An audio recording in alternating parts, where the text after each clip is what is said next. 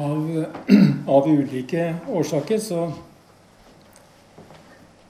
så skjer det at vi opplever det vi kaller for motløshet. Eh, og i Bibelen så møter vi mange mennesker som selv har gått gjennom akkurat det terrenget. Og i Bibelen så møter vi autentiske mennesker, ikke idealiserte pappfigurer. Og det er sånn at mange av de mest kjente profilene i Bibelen også er temmelig eh, Unnskyld uttrykket frynsete, hvis vi ser litt nøye på dem. Og Derfor føler jeg at de også har noe å si til oss som sjøl ikke er så strøkne heller. Og noen av dem møter vi i deres livs mest truede og utsatte situasjoner. Og det kan være at vi også kan føle oss i samme sko som f.eks. israelittene da de sto overfor filisternes hær med skarpslipte våpen og Goliat i spissen. Og de så på det truende og mista motet. Vi leser om det i 1. Samuel 17. Menneskelig sett så var det gode grunner til å miste motet, kan vi vel si. Stående overfor den truende filisterhæren, og med den kjempen i spissen, så var det menneskelig sett gode grunner til å føle seg litt skjelven i knærne. Men så var det en av disse her bibelske profilene som vi kjenner veldig godt. Gjetergutten David. Og det som var med David, det var at denne gutten, denne unge mann, han visste om et våpen som var sterkere enn sverd og spyd og sabel. Han visste at det er Herren som rår for krigen. Vers 45 og 47.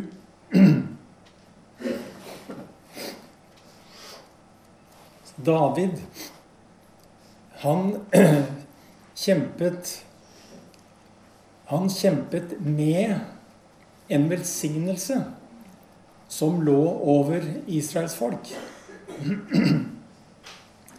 Og det var derfor han kunne si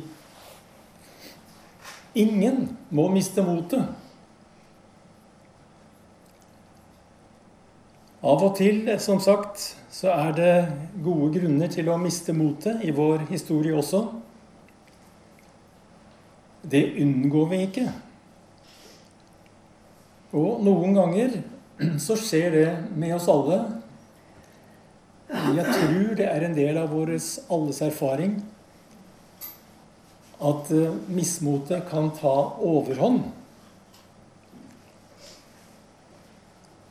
Men da vil jeg si at eh, det unngår vi ikke.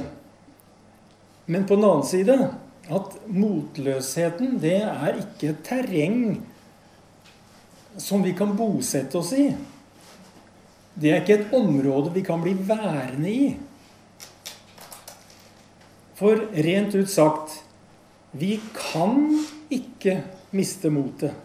Vi må ikke miste motet.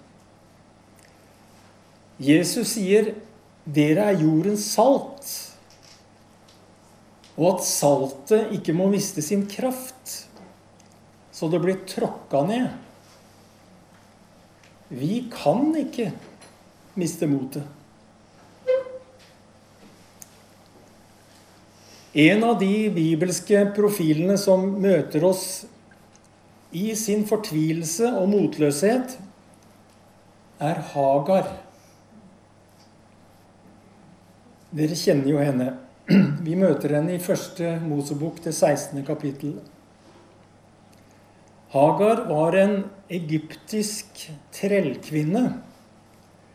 Eller med andre ord av den aller laveste på rangstigen.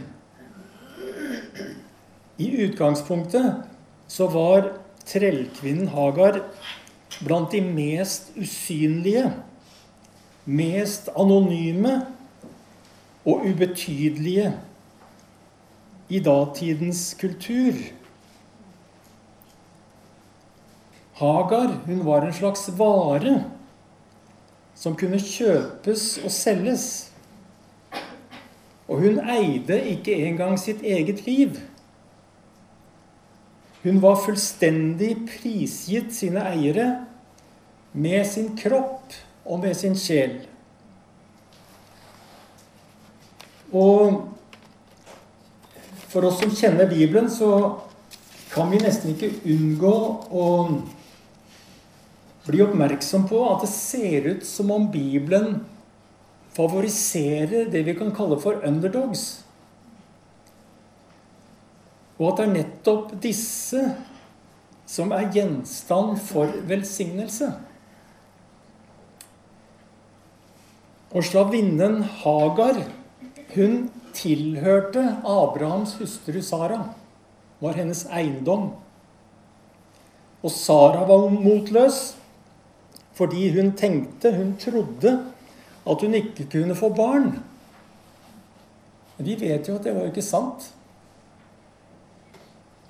Men fordi hun trodde nettopp det, så bestemte Sara seg for at hun en vakker dag skulle gi Hagars kropp til Abraham. Og jeg antar at det ikke var en vakker dag for Hagar. Hun var tvunget til å gi sin kropp til en gammel mann Abraham var 85 år. Og her møter vi i Bibelen kanskje historiens første kjente surrogati. Hagar ble en stedfortredende livmor for Sara. Og da Hagar ble gravid, så ble Sara sjalu. Og hun ydmyket Hagar. Ydmyket sin slavinne til den grad at hun ikke orka mer. Og rømte ut i ørkenen. Men der, i ørkenen, klar for å oppgi livet, der finner Gud henne. Og der velsigner Gud henne. Og Gud sier til den som er den laveste på rangstigen, og som ikke eier engang sin egen kropp Gud sier til henne, 'Stor vil jeg gjøre din ett.' Herren har hørt at du ble ydmyket. Og så skjer det ufattelige og uhørte at Hagar, trellkvinnen Hagar, gir Gud et navn. Og det er bare én person i Bibelen som har våget å gi Gud et navn. Og det var henne. Slavekvinnen. Hagar har spikret dette navnet. Dette navnet du er den som ser meg. Du er den som ser i mørket, som er i mørket. Du er den som er hos den som har mista troen, og som har mista håpet, og som har mista motet. Hagar formidler dette navnet til alle kommende generasjoner. Og hun formidler dette navnet til oss. Selv så var hun den minst sannsynlige av alle til å gi Gud et nytt navn. Men Gud lar den mest anonyme, den mest usynlige og uverdige av alle Gud lar henne feste dette navnet til Bibelen. Og mange tusen år etterpå så leser vi det navnet hun har gitt Gud. Du er den som ser meg.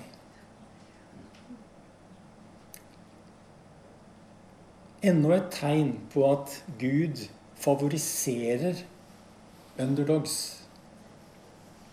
Og at nettopp disse er gjenstand for velsignelse. Jeg tror at det gjelder fremdeles. En dag sto Jakob ved bredden av Jordanelven.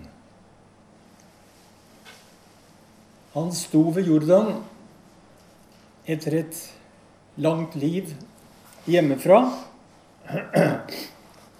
For så vidt et uh, rikt liv. Nå var han i ferd med å vende tilbake. Og han står ved Jordan, og han var livredd. Han var livredd for å møte sin bror Esau. Og han var livredd for å møte seg selv. Jakob står overfor sitt livs kamp. Og nå er han alene med Gud ved Jabboks vadested og Jakob kjempet med Gud natta lang.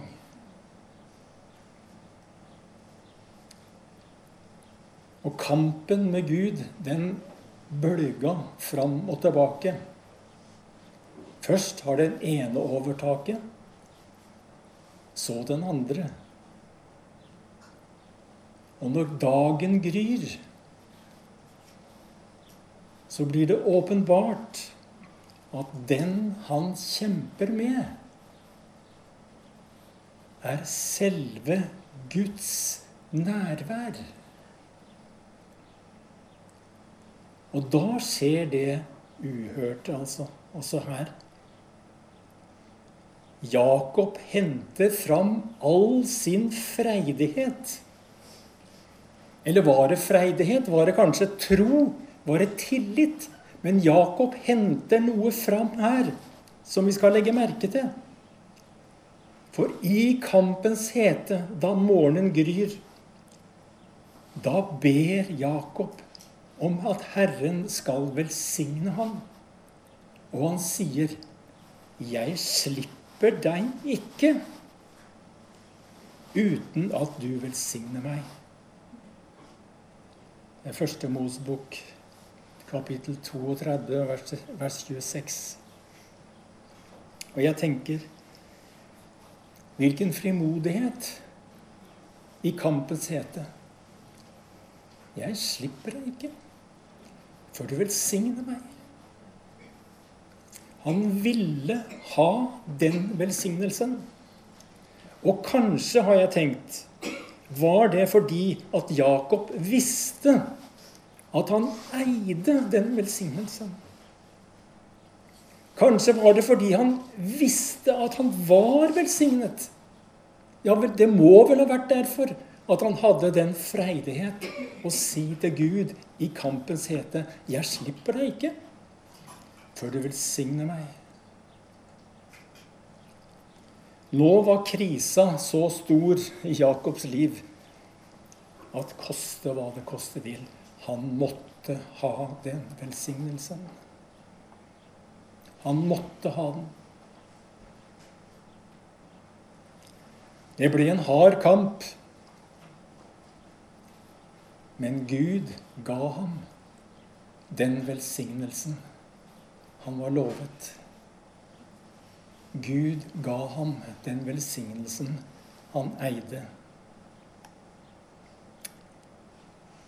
Kanskje vi også, tenker jeg,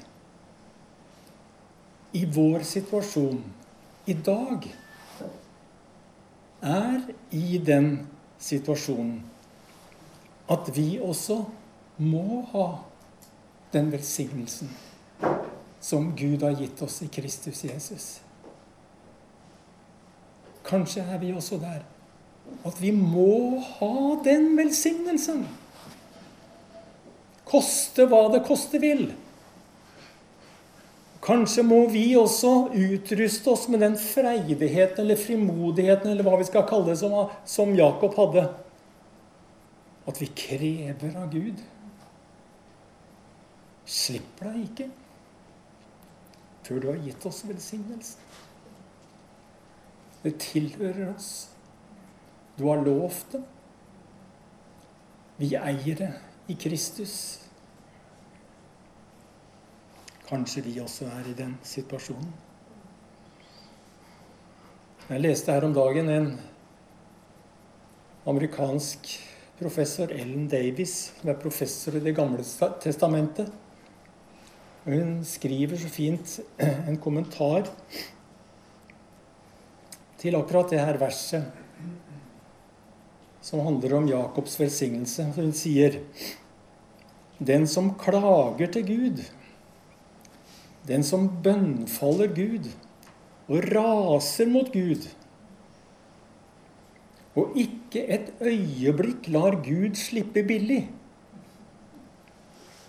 blir til slutt sluppet inn i mysteriet. Og hun går gjennom en dør som bare smerte kan åpne, og er dermed kvalifisert til å snakke med Gud på en måte de andre, de såkalte privilegerte, ikke kan. Motløsheten kan ikke bli endestasjonen for Guds folk. Guds folk eier en velsignelse. Og den skal vi jakte på. Selv om vi vet at det kommer til å innebære kamp å hente den ut. Den er gitt, den er gitt oss. Den tilhører oss. Og vi slipper ham ikke før han velsigner oss. Vi har ingen illusjoner om å komme helsinna fra kampen. Jakob, han kom ut av denne kampen både halvt og ydmyket. Men han kom ut med velsignelsen.